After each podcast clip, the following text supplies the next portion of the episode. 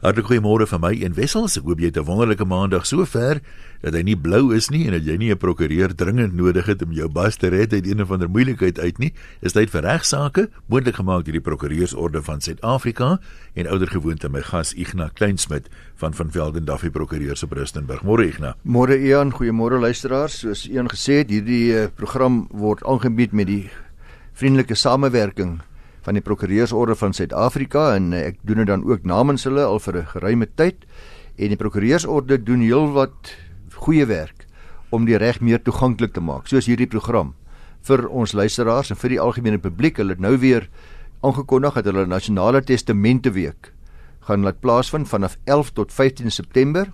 Dit beteken u kan na 'n deelnemende prokureur toe gaan vir 'n gratis konsultasie in verband met u testament of die gratis opstel van 'n basiese testament. Geen koste daaraan verbonde nie. So skakel gerus u prokureur en maak 'n afspraak vir tussen 11 tot 15 September, maar let wel, dan moet u prokureur bevestig dat dit gedoen word in terme van die inisiatief van die prokureursorde wat betref die nasionale testamente week. Uh ongelukkig kan jy nie met ingewikkelde boedelbeplanningsprobleme daarin gaan nie. En as daar besluit sou word dat jy het probleme van sekere aard en daar's ingewikkelde dokumentasie en beplanning wat moet plaasvind, dan sal die prokureur vir u 'n bedrag kwoteer vir wat daardie werk behels. Hierdie is 'n basiese halfuur konsultasie met 'n basiese testament. Ek wil net sê ek neem maar dit gaan ook maar oor tyd want ek meen so iets kan maklik ure en ure in beslag neem. Ja. En uh die idee is om almal gelyk te behandel dat die prokureur dan ook weet waarvoor hy hom inlaat. So ons kyk na so 'n halfuur konsultasie min of meer. Korrek ja en asseblief as jy dit wel gaan doen en jy het 'n bestaande testament, vat u bestaande testament saam. En as daar iewers 'n trust betrokke is, vat daai trust akte ook saam. Korrek ja. Uh want dikwels is daar beperkings oor testamentêre bemakings so jy, jy kan seker dinge doen of nie doen nie. Ja. Ek wil miskien ook net sê as mense dit gaan Google kry soms vra wat is die prokureursorde in Engels as ek dit nie mis het nie is dit die Law Society. As jy uh, dit wil gaan Google en uh, inligting daar kry. Ja, die Law Society of South Africa. Selfs net as die LSSA inskryf dan sal u alreeds uh, suksesvol wees om die webwerf te vind. Uh dan Ian, ek het 'n skrywe gekry. Hy sê hy het 'n regsvraag aangaande versekerings. 'n Motorhandelaar wat 'n motorfiets gediens het van sy kliënt, bots toe die motorfiets, maak 'n ongeluk met die motorfiets. Daarna betaal die motorhandelaar die eienaar van die motorfiets se bybetaling van sy versekerings en sy vraag wat hy vra aan skuldenis, die vraag wat ons vra is, kanselleer die bybetaling enige verdere eise teen die handelaar. Die handelaar het nou die skuld indik aanvaar en hy het my bybetaling betaal. Nou vra hy, ja, goeie vraag. Ja, uh hoe werk dit dan wat subrogasie betref en kan ek nog ander bedrae van handelaar eis? Nou, kan jy miskien net eers vir ons gewone sterflinge verduidelik wat beteken subrogasie? Ja, die leerstuk van subrogasie luisteraars word baie maklik verduidelik deur te kyk na u gewone versekering, jou korttermynversekering of sê net maar jou, jou Sambreel versekering wat almal wat 'n groot persentasie van Suid-Afrikaners het. Wanneer jy 'n eis instel teen jou versekeringsmaatskappy en daardie eis word suksesvol afgehandel, dan het jy jou totale eis gesedeer in terme van daardie polisvoorwaardes aan daardie versekeraar. Anderswoorde kom ons sê net maar as 200 000 rand skade, jou bybetaling is 2000 rand. Nou wat gaan gebeur is die jou versekeraar as jy omvattend verseker is, gaan vir jou die 18000 rand betaal en jy gaan 2000 rand verloor.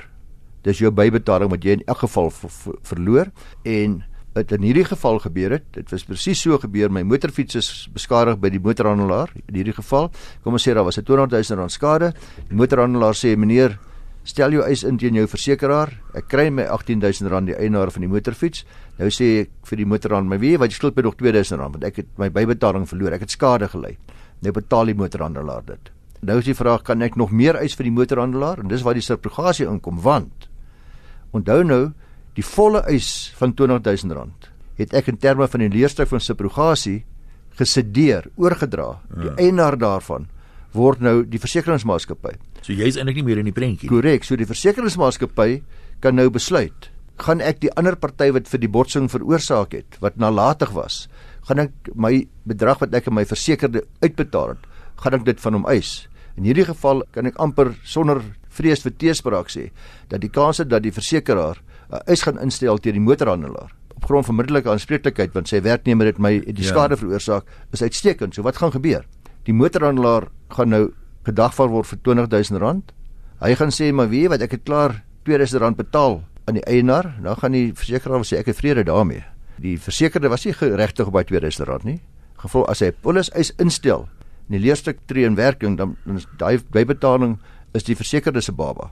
So meneer, sorry, jy moet die 20000 betaal wat beteken die motorhandelaar gaan nou 2000 betaal plus 20000 rand.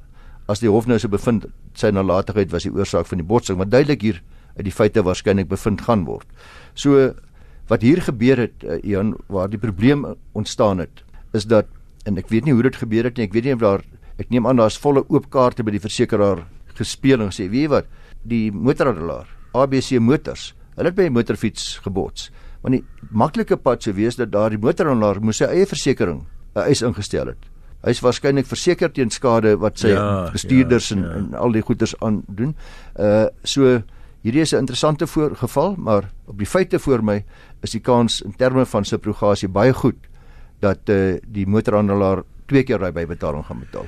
Sou dit goeie praktiese raad wees in 'n geval soos hierdie waar 'n mens kan verhoed om van jou eie versekerings te eis, dit wel te doen want 'n mens hoor baie keer in die toekoms as jy nou weer versekerings uitneem op 'n nuwe motor of 'n nuwe huis of wat ook al, dan vra hulle vir jou hierdie vraag: "Het jy 'n eis gehad die afgelope 5 ja, jaar ja, of 7 ja. jaar?" Dit kan toekomstige premies beïnvloed. O, geweldig so. Eh, vir alles mens by een versekeraar is, dan kry mens wat mens noem 'n geen eis bonus. Jy sal sien baie versekeraars betaal nou selfs jou uh, premie terug as jy vir 'n sekere hoeveelheid jare dit word so geadverteer nou geen eise gehad het nie. Nou geen eis bonus as u op die versekeringspolis weer gaan kyk, sal u sien daar waar u voertuig verseker is, sal dit staan geen eis bonus 4 of geen eis bonus 6 of geen eis bonus 3. Dit beteken net vir 3 jaar nog nie met daardie voertuig vir 4 jaar of vir 6 jaar nog geen eis ingedien in opsig van daai voertuig nie.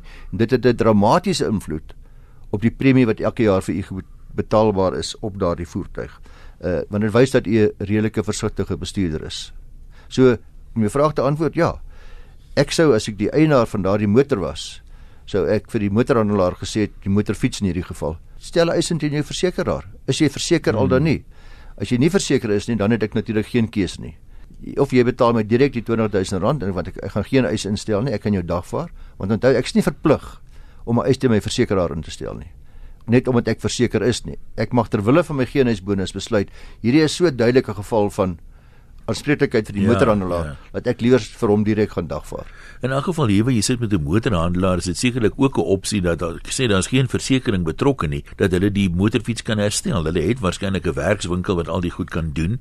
Ja. Dit sal hulle dalk minder kos, so hulle kan ook sê ons sal jou motorfiets op ons eie koste herstel en net en weer vir jou gee as dit reg is. Ja, ek sê weer, ek weet nie wat die feite hier geopenbaar was want daar's 'n volle openbaarmakingsplig op elke versekerde teenoor die versekeraar. Jy moet vir hom presies sê wat gebeur het en jy mag geen leuns vertel nie. Uh want indien dit sou later blyk dat u leuns vertel het, dan kan u polis gerepedieer word. Dit kan selfs dan teruggeëis word van u omdat u 'n eis ingestel het onder valse voorwendsels met valse inligting. As dit sou gewees het dat hierdie luisteraar gesê het, "Hoerie, ek het self my motorfiets gebots." Want hy en die motorhandelaar nou een of ander transaksie uit die gang. Ek sal eis teen my versekeraar sê ek het self gebots met my motorfiets en dan moet jy net my bybetaling vir my betaal. Dan beteken dit almal van ons wen. Daar gaan nooit 'n nee. eis teen jou ingestel word nie want die versekeraar weet nie of jy nou dit is dit sou deurkom op opsetlike wanvoorstelling wat maar dieselfde ander mooi woord daarvoor of 'n meer kru woord daarvoor jammer is bedrog. So ek weet nie wat die feite is nie, maar die slegte nuus vir die motorhandelaar is hy's nie van die hoek af. Hy's nie onthef van alle blame net omdat hy die bybetaling betaal het nie. Hy gaan weer eens aangespreek word vir die volle bedrag. Nou toe. Ja, het jy vir ons goeie nuus ook? Op 'n ander kwessie dalk. Kom ons kyk maar hier. Waarskynlik nie goeie nuus nie, maar in die saak van W versus H einde van 2016 gerapporteer, aangehoor deur regter Weinkoof, is die Wes-Kaapse Hof beslis oor die geldigheid van 'n verbeuringsbepaling in die voorhuwelikse kontrak. Ek wil feite gou gee. Partye is in Julie 92 in Duitsland getroud die huwelik is deur 'n huweliksvoorwaarde kontrak beheer met insluiting van die aanwasbedeling. So die man het uh, die vrou te oortuig dat hulle klousule in hierdie huweliksvoorwaarde kontrak moes insluit wat bevestig het dat sy onder geen omstandighede geregtig sou wees op onderhoud in geval van 'n egskeiding nie. So hoor jy ek gaan met jou trou, maar ek wil nie nou vir 'n ander perd opsaal die dag is as ons nou geskei is nie of wat ook nogal nie. Nou die vrou het dit geteken Ten sluiting van die huwelikskontrak en by aangaan van die huwelik was die vrou 28 jaar oud en die man was 53. Sy was reeds so verskilletjie. Sy was reeds swanger en die man was die pa. So is 'n bietjie van 'n moedtrou situasie hier en toe word die HFK aangegaan wat sê ja, die aanwas is daar, maar mag jy onderhoud eis nie. Nou die regter het 'n baie mooi uitspraak gelewer myns insiens. Uh die hof neem onder andere in ag wanneer hy die beslissing vel dat die man ook pogings aangewend het om sy boedelbates te verberg, dat hy geweier het om al sy bates te openbaar. Dit dui op 'n sekere ingesteldheid en gesindheid. Tweedens dat die vrou was in 'n baie minder voordelige situasie as die man ten tye van die inhuweliktreding. Sy was naïef, sy was baie jonk, is duidelik sê die hof dat sy nie idee gehad het eintlik sy wou net trou. Babietjie is daar of sy verwag ensovoorts. Uh, sy het ook niemand gevra om haar te adviseer nie. Uh so alles haar hoof adviseer was 'n uh, besigheidsman in Duitsland. Uh terwyl die man in hierdie geval uh die party hier is 'n senior advokaat. So sê daar was totale ongelykheid gewees tussen die twee huwelikspartye sê die hof. Die hof bevind dan ook dat die afstanddoening van onderhoud in die kontrak in stryd is met die openbare beleid, so met ander woorde daai kontra bonus mores wat ons altyd van praat en dat die klousule tot die effek dat 'n vrou nooit mag onderhoud eis nie. Dat dit uh, nie afdwingbaar is as dit sou voorkom in 'n huweliksvoorwaarde kontrak nie. Die hof het verder vermeld dat enige beweerde verlenging van die hof se jurisdiksie of uitbreiding liewerste van die hof se jurisdiksie wat 'n party van 'n reg of remedie ontneem oor die algemeen en op sigself teen die openbare beleid is.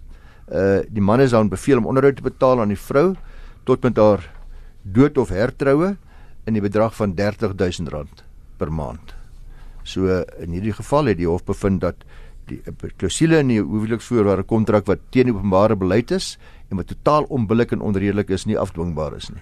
En dit sal nou geld beide vir onderhoud vir die vrou self en vir die kind wat sy namens die kind eis. Dit daar's ja, geen van 'n kind se onderhoud kan jy nooit nooit van afstand ja. doen nie. Die vrou se kan nog kontraktueel soms werk as dit in 'n billike situasie was. Die hof sê in hierdie geval was daar duidelik 'n uh, totale duidelike verskil tussen die omstandighede van beide partye en was die vrou waarskynlik geïntimideer of dan nou op 'n manier uh, oorreed terwyl sy nie mooi verstaan het wat dit beteken nie. Ja, ek het in die eerste deel nou verwys na 'n uh, huweliksvoorwaarde kontrak waar die hof bevind het dat 'n uh, bepaling onafdwingbaar is as dit teen die goeie sedes en openbare beleid is. Jy sal ook onthou dat ek het 'n paar weke gelede ook gepraat oor die effek van 'n ongeldige huweliksvoorwaarde kontrak en kom toe af op 'n baie interessante uitspraak wat deur die Hoogste Hof van Appel gelewer is waar die bewoording van 'n HVK weer eens 'n party tot 'n huwelik buite gemeenskap van goed onderhewig aan die aanwas in die steek gelaat het. In hierdie geval was dit bietjie anderste om uh in die sin dat in hierdie geval het die man die stryd gewen. Dit was REM versus VM onlangs in 2017 gerapporteer. Let wel soos gesê dis in 'n appelhof, so dit het regskrag in al die provinsies. Het die partye se huwelik vir die derde en die laaste maal verbrokkel en om die aanwas waarop die vrou geregtig sou wees te bereken, het die partye dan verwys na die huweliksvoorwaarde kontrak se uitsluitingsklausule. Hierdie klausule het bepaal dat sekere trusts wat deur die man gestig was, asook enige ander bate wat bekom is uit hoofde van die besit of voormalige besit van daardie trust uitgesluit sal word by die amwas. Die bewoording van hierdie klausule se oorsprong kan gevind word in artikel 4.1 van ons huweliksgoedere wet 89 van 84. Hierdie artikel bepaal dat spesifieke bates of die opbrengste of daai bates asook bates wat vervang of bekom is met daardie opbrengste by die amwas uitgesluit sal word. Die meeste HFK's terloops het ook 'n klousule in wat sê amwas betref word alle erfporsies en alles wat met die erfporsie weer verwerf is, rente daarop of aankope daardeur, word alles uitgesluit van die amwas. Geen probleem met so 'n klousule nie. In hierdie geval het die man 'n klompie trust uitgesluit uh, as deel van die aanwas en die hof is nou bevind of daar 'n nexus of 'n verband is tussen die trust wat by wyse van die uitsluitingsklausule uit berekening gelaat word en dan 'n klomp goedere wat sy in dispuut geplaas het. Hulle sê daardie goedere behoort eintlik aan ons, nie aan die trust nie. Die hof het vervolgens bevind dat daai goed wat sy graag nou die helfte van wil hê as deel van die aanwas, nie spesifiek uit hoofde van die uitsluitingsklausule by die aanwas uitgesluit word nie. Die hof moes verder gaan om te kyk na die wyse waarop die trust bestuur is om te bepaal of die trustgoedere binne berekening van die aanwas val. Dit was noodsaaklik aangesien die vrou beweer het dat die man persoonlike bates. Dis eintlik maar die kruks hierso wat dikwels gebeur by 'n aanwasbedeling. Dat die man persoonlike bates oorgedra het na die trust op 'n bedrieglike wyse en dan met ander woorde word sy ontneem van haar 50% van die aanwas op daardie bates by 'n uh, egskeiding. In so 'n geval kan ons hoewe nie toelaat dat die trust misbruik word nie. Ek het al 'n paar vorige sake vir u gemeld oor die jare heen waar die hof bevind het dat jammer meneer, jou trust is 'n alter ego trust. Dis nie 'n ware ware trust nie en daai bates word kom terug in die berekening van die aanwas. So daai vermydingsaksies werk nie altyd nie. Die man het erken nie. Ja, hy sê ek het trustfondse gebruik. Ek het uh, sekere persoonlike verpligtinge nagekom met my trustfondse. So daar was 'n kombinasie van my eie geld en trust se geld. Uh maar hy het voorgehou dat hierdie trust op advies van sy rekenmeester gestig was met die doel om sy besighede van mekaar uit verskillende besigheidstrusts gehad om hulle van mekaar te skei en te verseker dat die ondergang van die een nie ook die ondergang van die ander sal wees nie. Dat dit nie mekaar sal affekteer nie. Die hof het hierna baie mooi gaan kyk en was van mening dat die trust wat die vrou in dispuut geplaas het wat 'n hele aantal bates besit het, 'n uh, deel van die man se besigheidsstrategie was en dat dit 'n normale besigheidspraktyk is om op hierdie manier verskillende trusts te stig om jou te beskerm teen likwidasie of skuldeisers en die hof bevind ook dat die vrou het haar nie hier van die bewyslas gekwyt nie. Sy kon nie bewys dat hy dit opsetlik of bedrieglik gedoen het met al hierdie verskillende besigheidsplanne wat hy gemaak het met die spesifieke doel om trustgoedere uit die aanwas te neem nie. So die hof het dus uiteindelik beslis dat die trustgoedere in dispuut nie aangeneem kon word by berekening van die aanwas in hierdie partye se huwelik nie. Ja, en dan is daar 'n eh, ook 'n interessante saak oor onwettige mededinging. Is in Vrytas versus Jonopro eienaars beperk ook 'n maand of twee gelede in 2017 het 'n Vrytas en die tweede respondent is ene Bettencourt 'n volwasse vermaaklikheidsbedryf genaamd Cheeky Tiger. Dis 'n mooi naam, né? Nee. ja, Cheeky Tiger. Cheeky Tigers met pragtig. ja. En ja? hulle hulle twee uh, sulke mooi uh, name gehad by twee verskillende vir plekke in die vermaaklikheidsbedryf vir volwassenes. Dit was in twee dorpe, naamlik Kenton Park en Midrand. Nou baie luisteraars hoef nie nou te skrik nie. Ek gaan nie name noem van wie almal daar besoek het nie. Uh dit maar is ons het die lys hier. Na voorval het hierdie twee besluit om uitmekaar uit te gaan. En ingekom dat die applikant dis nou Vrytas die besigheid se naam nie langer sal gebruik nie want dit is 'n naam wat hulle albei behoort in die twee dorpe dat hy die een plek waar hy nou by betrokke is, hy nou verander na Manhattan Nights toe.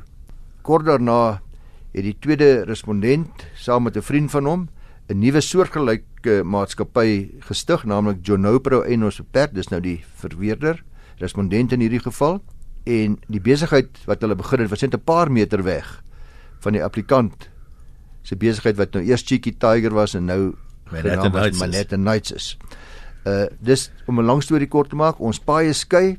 Jy gaan aan onder 'n nuwe naam en uh ek sal aangaan onder die, met die ou naam in 'n ander dorp en nie met jou in kompetisie wees nie. Dis eintlik die hele gedagte. So die nuwe plek net 'n paar meter weg is dit nog 'n cheeky tiger tak. Nee, hy begin 'n soortgelyke besigheid. Uh -huh. Wat hy noem dit nie cheeky tiger nie, maar dit is baie duidelik dat hy dat die handelsmerk wat hy gebruik is presies dieselfde of baie naby aan die wat cheeky tiger altyd gebruik het. Dis nou maar die borde en die bemarkings en advertensiemateriaal ja. ensovoorts. Trouwens toe die party ooreengekom het dat die applikant die naam van sy besigheid sou verander, het hierdie tweede respondent nooit aangedui dat hy die handelsmerk sou oorneem of daarmee verder sou gaan nie. Daar was nie uh, enigsins sprake daarvan nie. So daar word toe op 'n dringende basis hof toe gegaan. Die hof word eersins gevra dat dat moet bevind word dat die vorige bevel, die voor die skikkingsooreenkoms wat 'n hofbevel gemaak word, dat hy dit geminnig het, dat hy met ander woorde gevangenisstraf moet kry en dan ook 'n tussentydse interdik om die respondente te verbied om voort te gaan om met hierdie handelsmerk handel te dryf net 'n paar meter van waar my nuwe perseel is of waar ek nou weer nog steeds handel dryf. Die applikant misluk met sy eerste bede van minagting want die hof sê dat in 'n vroeër beslissing tussen die partye het die hof reeds die respondente verbied om die naam van Cheeky Tiger te gebruik en die feite van die vroeër beslissing verskil egter van hierdie saak waar die geskil gaan oor handelsmerke en voorkoms daarvan sê die hof gaan nie nou met daardie bede handel nie. Maar die hof staan wel 'n interdik toe wat die respondente verbied om 'n soortgelyke handelsmerk as die van Cheeky Tiger te gebruik. Die hof beslis dat die tweede respondent die applikant toestemming gegee het om sy besigheid te omskep. Hy het geweet hy gaan aan met die besigheid te baie perseel net onder 'n nuwe naam en dat hy inderdaad toe al beoog het om 'n soortgelyke vermaaklikheidsbedryf te open, besigheid te open deur die handelsmerk te gebruik van Cheeky Tiger. Dit sal ook dan die gevolg gehad het dat die applikant se kliëntebasis natuurlik gewerf word deur die respondente. En gevolglik sal die respondente beslis onregmatig voordeel word en die applikant sal benadeel word uh as gevolg van die kliënte wat nou na twee verskillende plekke reg langs mekaar toe gaan terwyl dit eintlik uh, dan onbillike mededinging is. So die hof sê aangesien daar oor die inkomste was tussen die partye dat die applikant se ophou om as Cheeky Tiger handel dryf, het die tweede respondent opsetlik die inligting van die applikant weerhou en toe 'n tweede in aanhalingstekens Cheeky Tiger operasie bedryf begin en uh, daar was dus 'n resverpligting sê die hof om hierdie inligting reeds te openbaar by die aangaan van die ooreenkoms wat hy van plan was om 'n tweede besigheid te open reg langsaan. So die interdik slaag en hierdie persoon kan nie voortgaan uh om die handelsmerk te misbruik nie. So is 'n moedswillige dier. Dit is so. Ons kan nog so kortetjie inpas hier nou. Daar is 'n heel nuwe bedeling vir aptekers en uh ook wat betref medisyne beheer of beheer oor medisyne. U sal weet luisteraars dat daar gereeld in die media geskryf word en dikwels gekla word uh, oor die Suid-Afrikaanse Mediese Medisyne Beheerraad. Die NBR word van tyd tot tyd gekritiseer deur verskeie ander rolspelers. Ons het veral oor die jare heen gekla omdat dit blykbaar tot 5 jaar of selfs langer duur om nuwe medisyneprodukte in Suid-Afrika te laat registreer. Jy hoor gereeld dat hierdie produkte so fantasties word in Amerika of daar en daar gebruik, maar is nog nie by ons geregistreer nie. Dan is daar groot frustrasie by die publiek en natuurlik by die aptekerswese. Dit blyk dat sommige Suid-Afrikaners graag sekere medisyne hier sal wil gebruik, maar dat dit nie moontlik is nie omdat die registrasieproses vir jare lank hangende is. Nou die staat het afgeslaan blykbaar op die verskeie vertoë in die verband en 'n wysigingswet op medisyne en verwante stowwe het vanaf die begin Junie 2017 alreeds in werking getree. Ek het dit nou maar eers opgetel in die media. Hierdie wet het nou ook 'n nuwe liggaam gestig wat moet optree as waghond vir die registrasie vir medisyne en hulle staan bekend as SAPRA. S A H P R A. Dis die Suid-Afrikaanse Gesondheidsprodukte Beheerraad. Nou volgens persberigte word hierdie nuwe wet is ook die nuwe beheerraad deur die farmaseutiese bedryf verwelkom. Is hulle baie hoopvol dat die nuwe beheerraad nou daarin gaan slaag om die gewellige agterstand in Suid-Afrika met betrekking tot die registrasie van produkte uit die buiteland uit te skakel. Daar word ook gesê dat hierdie nuwe organisasie se onafhanklikheid waarskynlik heelwat beter sal wees as die bestaande NBR. Daar word beweer dat daar tot soveel as 3000 produkte wag op registrasie en dit goedkeuring vir sekere aansoeke reeds gesloer het sedert 2012. 'n Bepaling in die wet wat ook deur die prokureurs verwelkom word, is die feit dat hierdie SAPRA, die nuwe beheerliggaam, onderhewig sal wees aan die wet op bestuur van openbare finansies. Dit beteken hulle moet direk aan die minister van gesondheid rapporteer. Die registreer van medisyne is dan ook die uitvoerende hoof van SAPRA. So daar's nou baie beter beheer struktuur daar. Iets wat ook vir my nuut was wat my opgeval het is die feit dat hierdie nuwe beheerliggaam onder andere ook sal kyk na die registrasie van mediese toestelle, skoonheidsmiddels en vitro diagnostiese mediese toestelle.